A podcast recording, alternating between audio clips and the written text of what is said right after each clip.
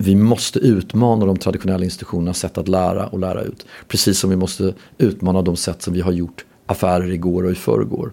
Om vi ska vara ledande i framtiden.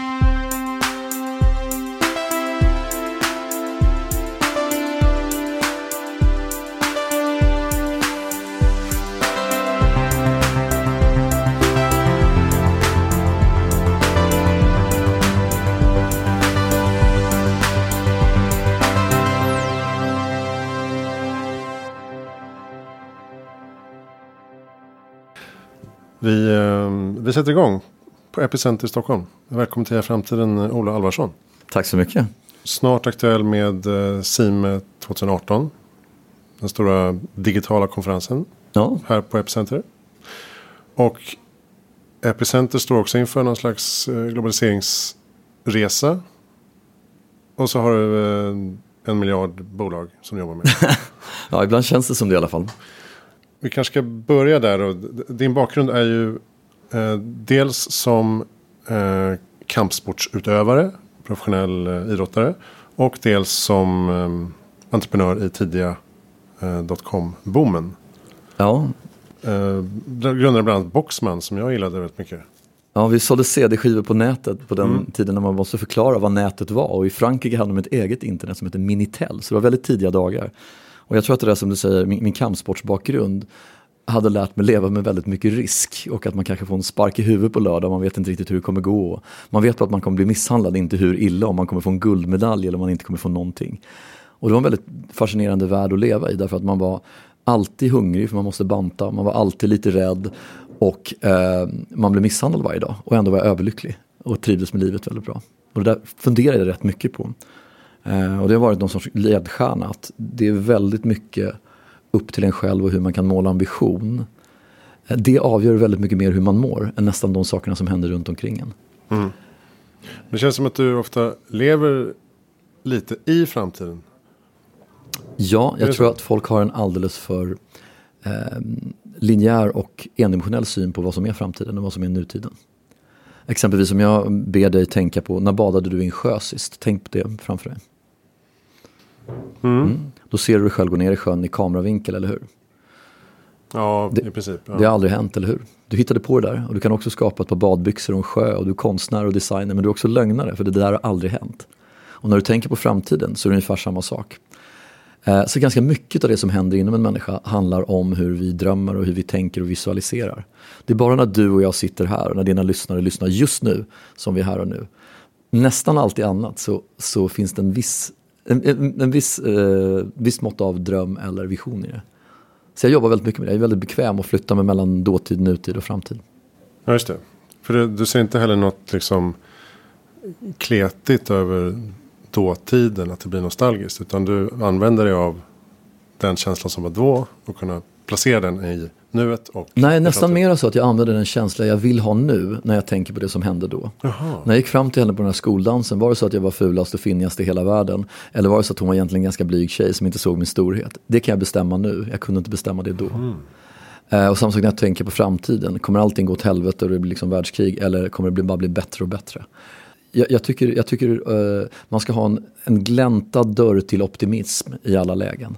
Samtidigt som man inte, eh, man måste skilja på vision och hallucination, särskilt när man jobbar med idéutveckling och när man jobbar med bolag. Och Du har varit inne i ganska många bolag. Det- är fel att säga att du har grundat alla. Men du har varit inne i eh, Spray. Gjort en, Mm. en turnaround på det.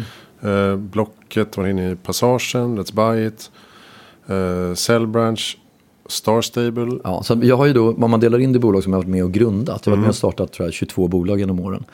Bland annat Star Stable som är världens största spel för tjejer som gillar hästar. Eh, sen har jag varit med och så att säga om- omskapat bolag som Sime, eh, Spray, Passagen, Torget, Let's Buy It. Då köpte vi upp bolag som inte gick så bra. Nöjesguiden, Rodeo. Och sen så försökte vi vända runt de här bolagen och sälja dem.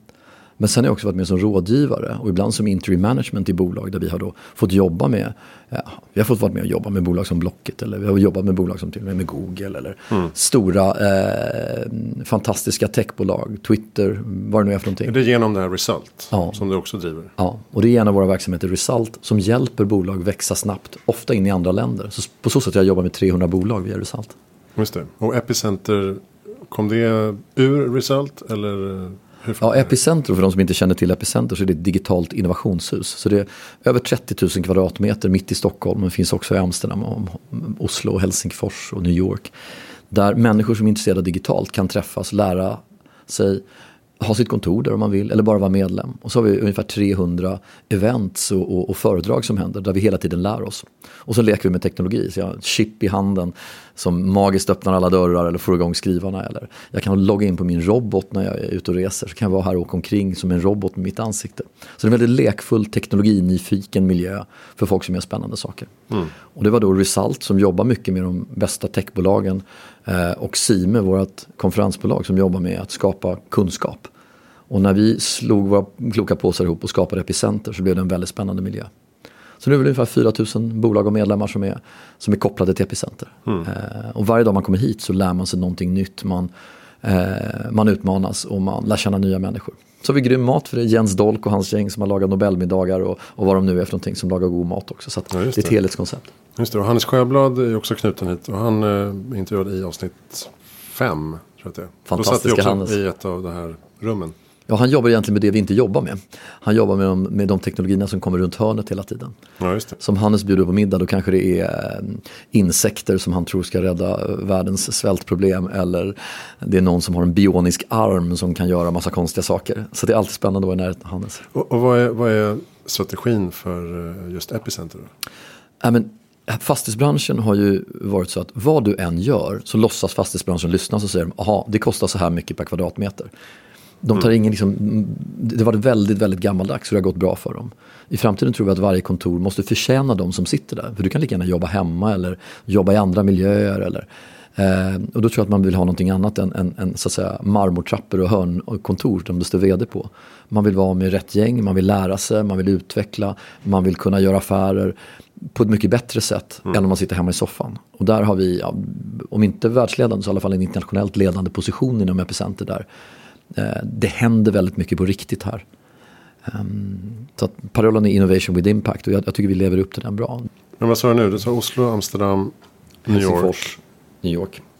Vad, finns, vad är nästa då? Kommer ni finnas i Asien? Det är 26 städer som har frågat om inte vi kunde komma och starta ett epicenter. Uh, men för våran del så handlar det inte om att hyra ut kvadratmeter eller vara på så många ställen som möjligt. Det handlar om att vad kan vi skapa en meningsfull community som hjälper digitala innovatörer, intraprenörer, entreprenörer och andra att bygga starkare städer. Och jag tror inte man kan göra det i alla städer. Så om du ska göra här i Gdansk, då finns det inte de förutsättningarna. Mm. Stockholm med Spotify och Klarna och, och, alla de fantastiska bolagen som har byggts här. iSettle som sitter här ovanpå oss. Eh, och, och, och, många andra gör att här kan man verkligen lyckas bygga ett framgångsrikt epicenter. Mm. Så det är ungefär som du är hårdrockstrummis och sitter i Mogadishu så kommer du förmodligen inte spela på Wembley eller på de stora ställena. Det känns så när du trummar och du kanske är bättre än de andra. Men om du sitter och krökar med Axel Rose i LA och du hänger i London på de rätta rockbarerna och liksom, du skiter på rätt sätt, då finns den här chansen. Och jag tror att man med framtiden går mera mot kurerade miljöer, inte bara dumma kontor. Mm. Och så vill man sitta med andra bolag också. Ja, eller i alla fall ha, ha, ha, ha dörren på glänt till andra bolag. Mm. Vi gjorde en undersökning som var kul med var du mest kreativ? Och jag tror inte kontoret kom på topp 40-listan eller något sånt där mm. eh, utan däremot så var man kreativ när man joggade, i bastun, när man var ute och dansa, eh, när man sov. Det fanns massa saker som var helt andra miljöer. När man hänger med polare utan någon stress. Och alla de här sakerna kan man inte göra på ett kontor där vi ska då producera dem så mycket som möjligt. Just det. Jag, jag tänkte faktiskt komma in på det. Vi kan väl ta den eh, med eh, träning. Mm. Som ju kommer mer och mer alltså insikten av att uh, träning är kopplat till kreativitet, till ja. hjärnan, till uh, ett längre liv, uh, lycka, mindre förekomst av depression och så vidare. Ja. Har du liksom alltid undermedvetet känt till detta i din träning? Har ja, du liksom alltid, när man kampsportar så är det en väldigt konstig det. sak. Därför att särskilt om du håller på med fullkontakt. Du vet ju att du kommer få stryk klockan 18.00 idag av de större killarna i laget om du är med i landslaget och väger mm. 64 kilo. Och så får du inte äta för då går jag ner kanske 8 kilo inför en tävling. Så det är jäkligt mycket lidande och inte så mycket nöje som man står och spelar tennis och sen så går man och tar en bira efteråt. Men samtidigt har jag mått väldigt lycklig av att vara snabb, stark, alert, pigg, vilket man blir när man tränar.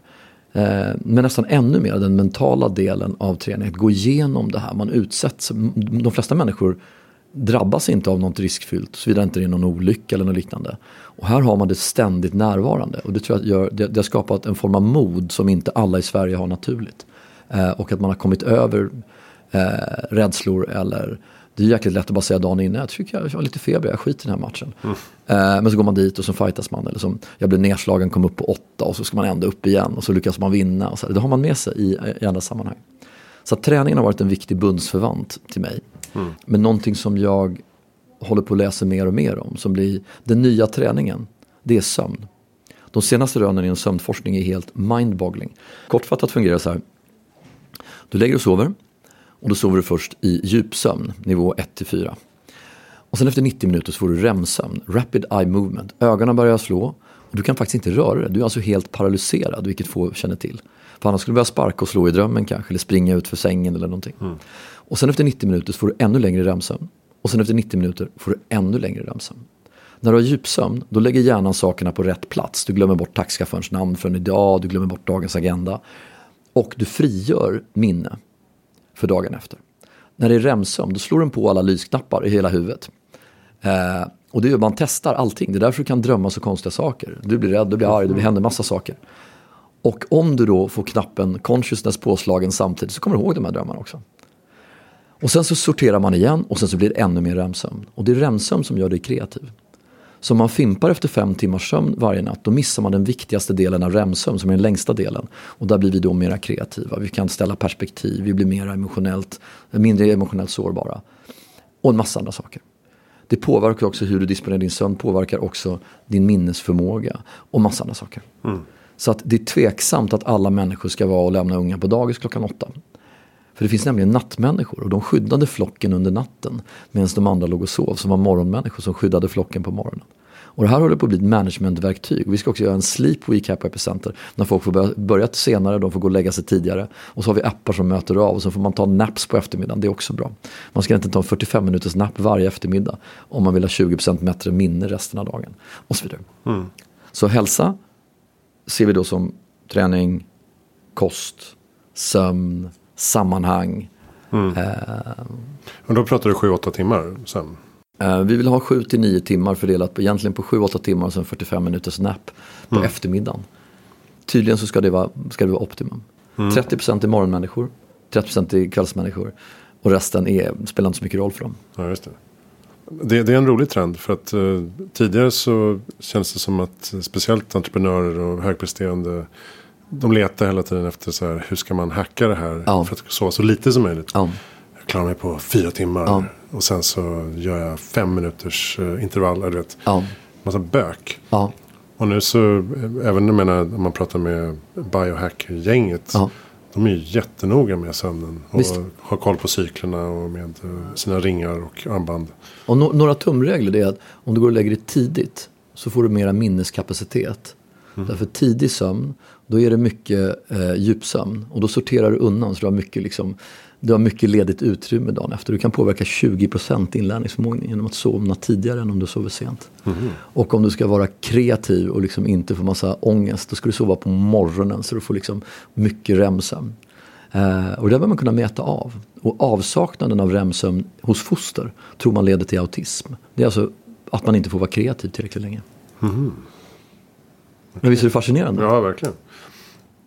Jag tänkte om vi kommer in på framtiden lite mer. Det känns som att när man är inne i snabbväxande bolag och ska fatta beslut mm. om vad man, ska, vad man ska satsa på och inte. Det handlar så himla mycket om timing. Kan du tycka att det är ett problem att, att du ligger före ibland eh, marknaden? Eller? Ja, det, det där med timing är ganska intressant. Många tror att det är timing, att man ska pricka rätt. Mm. Jag har en kompis som startade Ace of Base, alltså, han var kock. Och sen helt plötsligt så var han liksom, hade sålt mer debutalbum än någon annan någonsin och var på Guinness rekordboks framsida efter 24 miljoner sålda album. Ulf Ekberg. Och då tycker alla att han hade timing. Han hade sitt första band när han var 11, sitt andra mm. band när han var 14 och hade hela tiden försökt bli musiker. Så när andra ser framgång kallar de det timing. Men ganska ofta så är det hårt arbete väldigt mycket av det man ser ser lätt ut om man tittar på det från andra. Men det är egentligen väldigt hårt jobb. Så jag tycker inte att timing är så viktigt som folk tror. Det är mycket mm. viktigare att ha eh, kombinationen av en framtidssäker idé och rätt typ av genomförande. Och rätt typ av genomförande kan vara att det är rätt kompetens men också rätt energi att fortsätta det tillräckligt länge så att man blir framgångsrik. Så, så det är nästan en viktigare del. Men det måste vara väldigt svårt att avgöra. Nu har vi kört det här i fem år och det går med förlust hela tiden. Ja. Tetra Pak 14 år och gick med ja. grov förlust. Sen blev de lönsammaste bolaget i Europa. Men, men det, det, eh, det vi gör på Epicenter, eller framförallt det Result gör på Epicenter, då driver vi innovationslabb och vi driver scale-up labs. Och vi driver också eh, kostnadsfritt. Tillsammans med Google så bjuder vi eh, ett antal hundra startups på, på kostnadsfri rådgivning. Och då handlar det väldigt mycket om att testa hypoteserna. Istället för att du går och tror att det här är världens bästa sak. Och att du går och tror att får jag bara in pengar så skulle det funka. Så går du och testa saker snabbt. Vi tar exempelvis Dropbox, fildelningstjänsten. Mm. De byggde ingenting, de gjorde bara en film på en tjänst. Och så ändrade de filmen tills 70 000 personer ville ladda ner det som fanns på filmen. Då byggde man det på tre månader, en off you go. Det är en jäkla skillnad än att ta in 10 miljoner, bygga något i ett år och sen så floppar det. Och då ska man liksom bara ändra koden och sen ska man... Så, så, så att nu har det blivit en vetenskap och vi har jobbat med det i 20 år så vi är ganska liksom erfarna inom det området. Och det är det som gör att Epicenter också har sån dragningskraft. Både storbolag som vill bygga saker men mm. också eh, så kallade då scale-ups. Det är startups och sen är det scale-ups. Scale-ups är bolag som redan är framgångsrika. Och utav alla startups som startas så är det bara 4% som omsätter 5 miljoner kronor eller mer efter tre år. Det är 0,4% som omsätter 100 miljoner efter fem år. Mm. Så att det blir ett scale-up är alltså svårare än att bli rapstjärna i Sverige. Men man pratar hela tiden om startups. Och mm. det är ungefär som du pratar om alla som har gjort en demo hemma. Med samma röst som du talar om Zlatan. Mm. Zlatan är inte ens sångare. Så det där kanske skulle, men, eh, som du pratar om Per Gessle och någon som har gjort en demo hemma. Mm. Eh, och det är en jäkla skillnad. Och Epicenter är ett hus för de som redan är framgångsrika, där vi hjälper dem bli framgångsrika. Men sen har vi dörrar öppna där vi hjälper folk som precis har börjat eller behöver inspireras till att börja. Och där jobbar vi med flera olika saker. Bland annat så har vi nu varit med och, och på en hörna dragit igång Epicenter Campus och School of Applied Technologies. Mm. Där de smartaste hjärnorna kan bli programmerare på väldigt kort tid. Så du kan vara en bagare från Kabul som landar idag och om fyra månader så kan du jobba som utvecklare på Telia. Om du klarar IQ-test, logiktest, gåtor, då kommer du in utan att behöva kunna någonting annat. Och så lärs du, lärs du av, av, jag tror att det är Sveriges högst betalda lärare, som sitter med dig 12 timmar om dagen och fyra månader senare har du lika mycket programmering som om du hade gått datologilinjen i tre år. Men det är kondenserat och exakt det Telia behöver. Mm. Eh, vi har också startat ett entreprenörsuniversitet där du kommer in baserat på attityd och inte betyg. Mm. Och där är folk från så kallade utsatta förorter, neck to neck med folk som kommit hit från Tadzjikistan eller någon annanstans. Tillsammans med unga svenskar som inte är liksom akademiker men som har en bra idé. För jag tror att vi måste utmana de traditionella institutionernas sätt att lära och lära ut. Precis som vi måste utmana de sätt som vi har gjort affärer igår och i förrgår. Mm. Om vi ska vara ledande i framtiden. Ja, var det jag tänkte på. Hur ska eh, liksom Stockholm, Sverige, Norden fortsätta vara det här eh, viktiga hubben som det har blivit ändå? Ja, och det är fascinerande att vi har blivit det. Och jag tror att det är en sak som inte så många pratar om som jag tror är en, en nyckelframgångsfaktor. Vi är jäkligt vänliga och ärliga här. Mm. Så att om du lyckas så hjälper du mig, presentera mig den för en riskkapitalfirman i New York eller du ger mig en referens på någon som har jobbat hos dig. Eller, vi hjälper varandra här. Garden är nere på ett, på ett ärligt och bra sätt. Och det är otroligt mycket kraftfullare om man kan jobba med många människor och kroka arm. Det är en av nyckelidéerna bakom Epicenter. Vi hjälper varandra i den här communityn som är.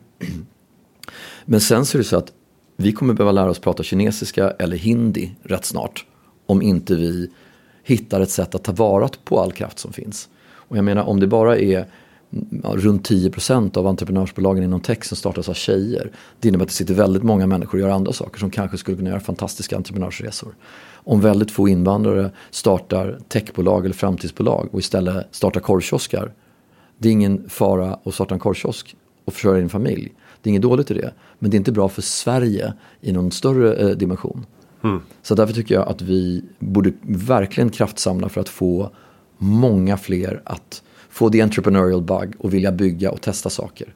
Både entreprenörer men också intraprenörer inom större bolag som ser att saker kan göras på ett bättre sätt, som har kompetensen och mandatet men som måste gå emot allt det som har funkat hittills och kanske funkar bra idag. Eh, och att inte vi har entreprenörsträning och intraprenörsträning tidigare i skolan. Att inte vi hyllar de entreprenörer och intraprenörer som faktiskt skapar det välfärd vi har mera.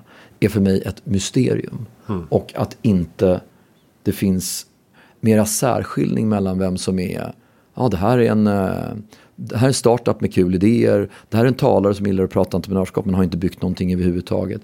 Eh, och, och, folk som faktiskt, alltså, och Spotify, och Spotify omsätter 14 miljarder första kvartalet. Och så är det någon som har någonting som, som inte funkar överhuvudtaget. Så kan man ibland se dem sitta i samma panel och liksom med pannan i djupa väck diskutera eh, hur man ska bygga entreprenörsbolag. Och jag tror att det är osunt. Jag tror att man måste, så att säga, framförallt från politikerhåll men även från storföretag, förstå vad det är som driver innovation med impact, vad det är som påverkar skattepengar, vad det är som påverkar folk, vad det är som skapar rätt typ av role models. I viljan att alla ska vara lika bra så suddar man ut gränserna vad som är bra och vad som är dåligt. Jag tror inte det är bra. Ja, du menar man kanske sneglar lite mer på den amerikanska synen på framgång? Samtidigt som man inte har så hårda vassa armbågar? Nej, inte nödvändigtvis. Men jag tycker att man eh, inom, inom entreprenörskap eller inom innovation och när man jobbar med startups. Då säger alla samma ord. Vi är en startup-miljö, vi jobbar med lean, vi är inte bara pengar, vi är det här. Alla säger exakt samma sak. Mm. Men så kanske folk inte har gjort någonting som har lyckats. De kanske är jätteduktiga ändå. Men de kanske inte har lyckats med det de pysslar med. Och hade det istället varit så att du skulle göra en bypass-operation och du hade fått tio stycken halvtimmars lektioner i hur man gör det så skulle det vara lätt liksom scary att börja operera på folk. Men det finns väldigt många ställen där man gör det med bolag utan att riktigt veta vad man gör. Eller man är jättesur att man inte får riskkapitalpengar för ett bolag som absolut inte hade haft någon chans i hela världen att få riskkapitalpengar. Därför att deras ambition är inte sånt. Det behöver inte vara dåligt. Men om du ska gå in och, och vill bygga något som blir ett mångmiljardbolag och tar över en internationell marknad då attraherar du en viss typ av riskkapitalister, en viss typ av medarbetare, en viss typ av partners, en viss typ av journalister som vill skriva om det. Om du vill livnära så är det någonting helt annat. Eh, om du liksom vill bygga ett tillväxtbolag men du vill liksom inte ta en risk med, med det du redan byggt upp. Det är helt olika typer av bolag. För de som jobbat mycket med det här, då är det här kristallklart. Men för de som ska fatta politiska beslut så blir det en väldigt diffus röra av saker man kallar för startups. Eh, och det tror jag vi är duktiga på Epicenter att liksom särskilja och, och vara sensemakers för många. Mm.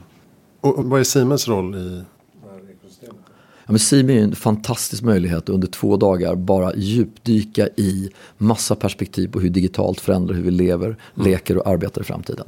Från massa olika perspektiv. Jag menar vi, vi har Apples ikoniska marknadschef under Steve Jobs som kom hit och berättade hur de i varje detalj tänkte varumärke och byggde kundresa.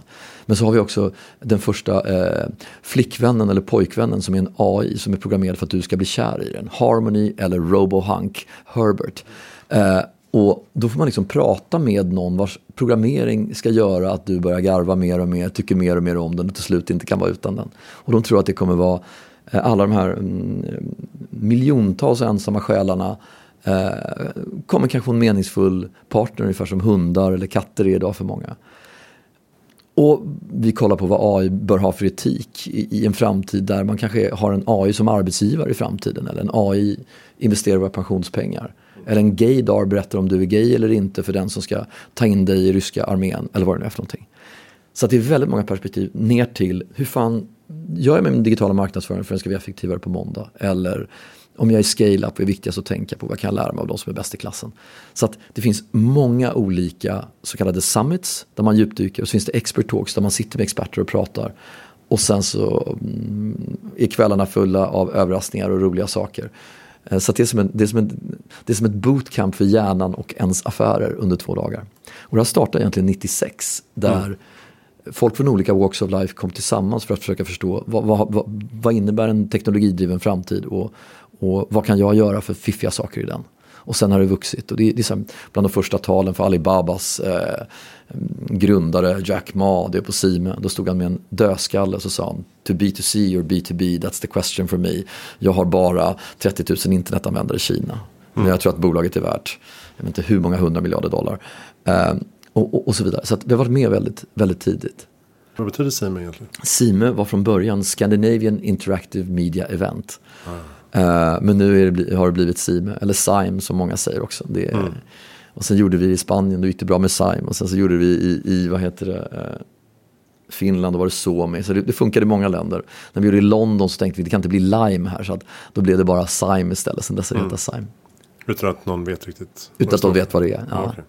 Men, det, men det, det, det, är också fascinerande för det finns så många extremt tråkiga affärsevent. Och det finns också så många event där man bara pratar framtiden som är på de rosa molnen så ska alla flyga omkring. Utan vi, tycker vi är duktiga på att vi kan vara väldigt på riktigt samtidigt som det är ett lekfullt och roligt format. Mm.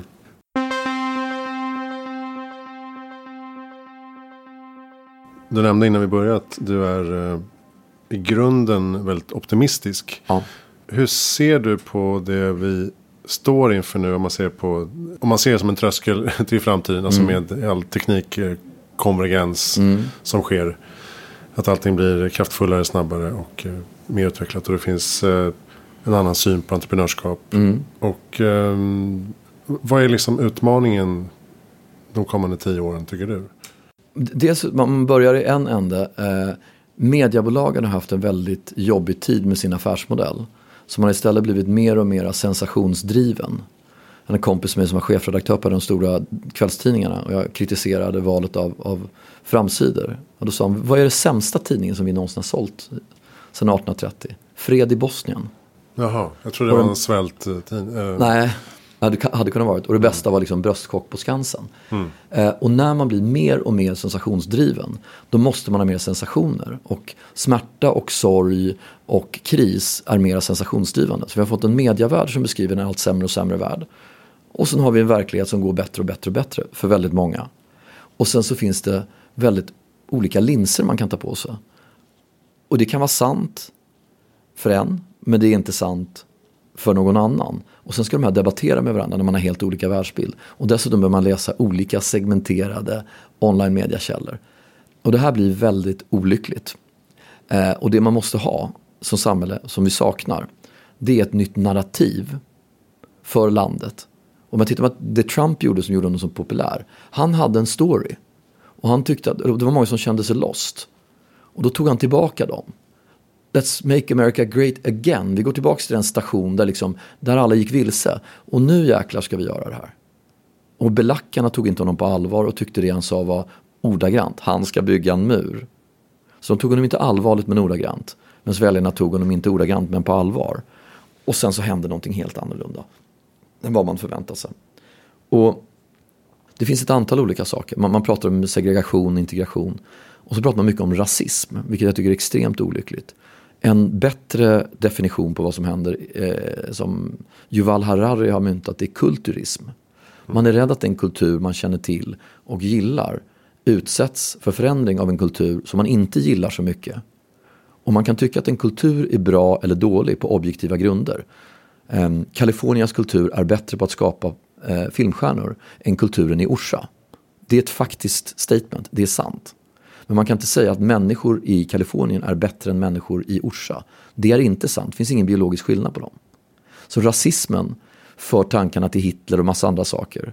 Men så kulturismen som många känner som röstar på SD och andra, de känner att jag vill fan inte ha det som i Kabul. Jag tycker inte att det här är så som jag vill ha det. Hur kan jag uttrycka den frustrationen? Och då har de, populära part- eh, de, de största partierna inte vågat nudda den frågan. Och så blir det då en extrem polarisering. Mm. Och går man då tillbaka till Hitler och tittar på vad som hände där. Till slut, först och främst så visste man ingenting om koncentrationsläger under nazitiden. De flesta visste inte det. Och det kom på slutet. Så man fick välja om man ville vara med Hitler eller om man ville vara med Stalin. Och allt man läste var skrivet av Hitler. Så det var väldigt många som var bokstavstrogna nazister. För det fanns ett starkt narrativ. Man var på väg någonstans, man var en del av en grupp. Det här var viktigt, det gick bättre och bättre. Man såg det här och man läste bara det egna lagets pamflett. Medan då det andra, det var Stalin, det var det ondska, det var massmördaren. Det är klart som fan att man skulle vara ena laget. Och samma var, var sant mm. i Sovjet. Och från början så hade de intellektuella en cocktailattityd till den här lilla österrikaren. Men efter ett tag, då blev det istället så att man var tvungen att välja sida. Och jag tycker man ser lite grann också, för jag bor delar i USA, att ens kompisgäng väljer sida. Så antingen så är det så här, yeah he likes Trump, eller så gör de inte det. Och det börjar bli en polarisering. Uh, så att om man kommer tillbaka till din fråga då. Vad är det som är viktigt? Det är ett narrativ. Och det är att ha beslutsfattare som inte är techno-illiterata. Man måste kunna förstå möjligheten. Man behöver inte kunna koda liksom C++. Men man måste kunna förstå vad teknologi har för möjligheter för samhället. Att göra skolan bättre. Att göra eh, polisväsendet bättre. Att få flera människor att vara med i digitala partyt. Mm. Och kan man ingenting om det och ändå ska fatta beslut så blir det oftast väldigt konstiga saker. Och där tycker jag i min värld skulle den offentliga sektorn lead the way. Vara de som tar bets på nya saker. Vara de som satsar och testar saker. Hela vägen från skolan till ålderdomshemmet. Mm. Och jag tror för övrigt att det är det som kommer hända. Postpopulism eh, så kommer det komma någon form av ny teknokrati där, eh, där, där teknologivärldens största företagsledare har hunnit bli 40 eller kanske 50 och deras barn växer upp. Och de ser att man måste göra någonting. Så jag tror att framtidens politiker kommer att heta Jeff Bezos och, och Mark Zuckerberg och, och, och så vidare. Mm, eh, eller kanske Daniel Ek. Ifrån. Nej, Steven Pinker sa också något om att han, trodde, han var inte så orolig över populismvågen eftersom folk blir mer utbildade, bor i större städer och blir mer eh, sammanknutna med varandra globalt. Ja, ja det beror på vilken, vilken tidslinje man har. Mm. Så att eh, om du bor i Skövde så kommer det dit eh, liksom 65 tjecka mm, afghaner eh, som har en helt annan världsbild än vad du har och tycker på helt annat sätt om väldigt väsentliga livsfrågor. Så kanske det blir stökigt på dagis eller vad man nu än tar. Men på hundra år så är det ingen som kommer komma ihåg om de kom från Afghanistan eller Skövde. Och Sverige kommer säkert vara mycket bättre off att man tog in massor med folk. Men om man istället skulle se invandring som ett problem ska man tänka på så här. Här har vi någon som är vuxen, inte behöver gå på dagis, gå på sjukvård. Alltså någon, som har, någon annan har betalat alla de kostnaderna. Och jag får den här fantastiska kreativa varelsen som kommer hit. Som kan bygga och förändra och göra saker och förbättra. Hur ska man få in folk i den rollen så snabbt som möjligt? Och där ska man då gå svenska för invandrare. Först ska man sitta i flyktingläger, svenska för invandrare. Sen ska man kanske gå komvux. Sen ska man försöka komma in på universitetet genom att göra högskoleprov. Och sen så ska man gå universitetet i tre, fyra år. Och efter det ska du söka ett jobb som du inte får för att du heter liksom diskun diskun. Och sen när du väl har kommit in och får det här jobbet ska du jobba i fem år på ett jobb du hatar för att sen bli entreprenör. Alltså tänk om motsvarande hade varit sant för fotbollsspelare. Det hade ju varit absurt. Mm. Och där tror jag att man kan ta någon som har fire in the belly och det har sett hundratals gånger, tusentals gånger i kampsportslokalen. Någon kommer in, de har den där blicken, de tränar hårdare än de andra, de vill mer, de kämpar. Och därför är invandrare bättre på nästan alla kampsporter än vad svenskar är. För det finns ett sätt att kanalisera det modet, den driven. Och fick vi in det, det är det, det är det man saknar bland entreprenörer. Många som har haft det för bra blir inte bra entreprenörer.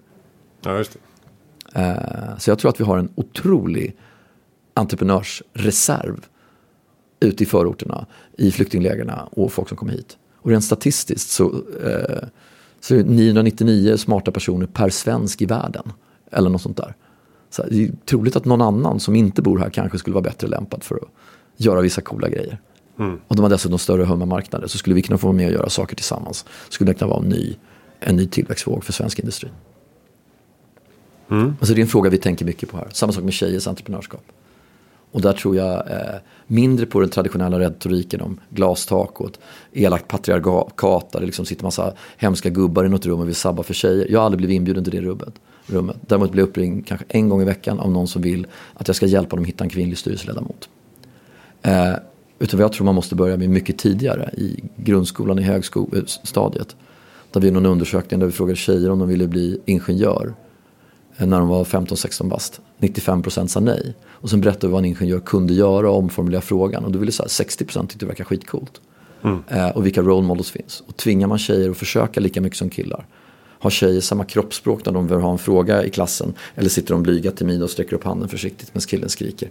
Så det finns väldigt mycket tidiga skillnader i kroppsspråk, att ta risk, att misslyckas och resas upp igen. Som påverkar killar till att bli bankrånare. Men tjejer blir inte bankrånare.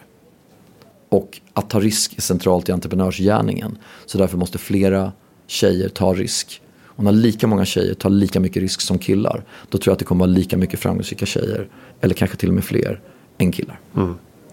Men nu tittar man i toppen på problemet så säger man så här, fan det här måste vara något glastak, det måste vara något som är orättvist här. Och jag, jag köper inte riktigt den, den premissen. Så vi jobbar mycket här med... Bygga grundintresse istället. Ja, men vi, alltså, det, grundintresse har man ju inte från, från början utan det får man ju någonstans under sin uppväxt. Eller om man kollar på Barbie istället på Byggare Bob. Liksom. Mm. Och jag, jag tror att det vi gör här är en jäkligt cool feministisk gärning så tillvida att vi tar tjejer, utmanar dem att bli precis det de vill, drömma och bygga saker i våra labb. Och det är liksom otroligt coolt att se folk utvecklas och bli saker de inte trodde de kunde vara. Mm. Vare sig tjejer eller killar. Och där har samhället en jätteskuld som man måste börja betala av. Där det gäller att ge folk möjligheter i alla delar av samhället. Nu har du varit inne mycket på det. Men, men eh, vad har du för bra tips för att vi tillsammans ska forma en framtid som gör liksom världen bättre? Ja, det är ju så att väldigt många av de smartaste människorna jag känner och de som är mest drivna är inte politiker. Varför är de inte det? Det finns ett politiskt system där du måste sätta spela gitarr i Unga Örnar eller liksom vi unga i, i tio år och vara med på väldigt mycket tråkiga konferenser och göra jäkligt mycket saker för att till slut få göra din röst gällande. Skulle man bygga ett nytt teknologiskt system, demokratisystem på Mars så skulle man inte ha en låda som man lägger ett papper i var tredje eller var fjärde år. Men det har gjort att vi är så fjärmande. Berätta om dina fyra favorit-EU-representanter från Sverige. Alltså så här, man vet ju inte ens vad de håller på med. Nej. Samtidigt som folk liksom så gråter om Zlatan nuddar bollen för att det är så vackert. Och jag tror att vi måste hitta ett system som gör att de bästa ledare vill vara med och bygga och skapa. Istället blir det så att den som hamnar i offentlighetens ljus blir demonterad, smutskastad, demoniserad, hotad, för låg lön. Vem fan vill det? Så jag tror att vi har ett systemfel som alienerar väldigt många av de som skulle kunna vara med och göra väldigt mycket. Och jag tror att vi har ett problem med narrativet. Vi måste kunna berätta om ett Sverige som vi vill leva i framtiden, som inkluderar och där vi vill göra saker ihop. Där den drömmen och den tanken blir så pass mycket starkare än om du är jude och, och jag gillar liksom någonting helt annat. Eh, och då måste man ha ledare. Eh, och där tycker jag att politiska spektrat nästan rakt över linjen saknar ledare som på ett ärligt sätt kan inspirera folk. Och tittar du i USA, då måste du antingen vara lögnare eller dum i huvudet för att bli president. Så du måste ju vara liksom katolik, protestant, jude, muslim, gay och massa saker beroende på vilket möte du går på. Och då är du antingen dum i huvudet om du gör alla de sakerna eller så ljuger du och det sistnämnda är det troligare. Och har man det där du dessutom måste vara så otroligt cutthroat för att vinna. Mm. Så får du inte fram en Bernie Sanders men du får fram en Donald Trump. Eh, och det är inte jättebra tror jag. Så jag tror att vi har ett systemfel, rent politiskt, alltså politiska systemets uppbyggnad. Jag tror att vi har eh, en enkla lösningar-våg där det finns väldigt många som har falsk, det kallas för false moral certainty. Man vet minsann att alla och så är man jättearg på någonting. Oavsett man är vänster, höger eller mittemellan, tjej, kille, invandrare, handikappad eller vad man nu än är. Mm. Och så blir det identitetspolitiska sanningar som gör att man verkligen känner att man har rätt när man pratar. Fast man har inte rätt och det är inte rätt väg framåt. Utan det är ett vi som är mycket större. Bränsle hela tiden. Ja, precis. Mm. Och det polariserar. Det är ett vi som är mycket större. Det handlar inte om att alla andra när de bara blir intelligenta och nog kommer tycka exakt som jag. Utan det handlar om att man måste försöka förstå komplexitet. Och då behöver man utbildning tidigt. Alltså medvetande träning från det att man går i dagis. Mm. Eh, snarare än bara vara när man är 40 och har liksom bränt ut sig. Så jag tror att det finns eh, systemfel politiskt kopplat till ett, en utbildningsutmaning. Mm. Eh, kopplat till att man ska satsa väsentligt mer på entreprenörskap, skaparkulturer, intraprenörskap. Både lyfta fram, satsa pengar, utbilda, premiera. Jag ska tänka mig, är du, har du sålt ditt bolag för en miljard dollar i något land får du bo skattefritt i Sverige resten av ditt liv. Kom hit och bygg, lär oss. Alltså i fotboll köper man de bästa spelarna för jättemycket pengar för att man vill ha dit dem. Här beskattar vi folk rätt hårt liksom. Mm ambassadörer får åka, och diplomater som hjälper Sverige, de får åka i, i, i bussfil och de går förbi en speciell kö. Varför får inte alla som har byggt ett bolag som omsätter eller som anställer 5000 pers eller vad det nu är för någonting. Mm. Men man uppmålas ganska mycket i entreprenörsvärlden som om man är eh, en liksom eh, Joakim von Anka i hög hatt. Som på något sätt, det finns en kaka, man har tagit för stor del av den kakan. Det är inte så att man har gett av den kakan till väldigt många som jobbar eller till, till skattepengar eller till andra saker. Och jag såg någon artikel där det stod, jag såg bara i rubriken, eh, Sebastian från Klarna som säger jag är inte Joakim von Anka.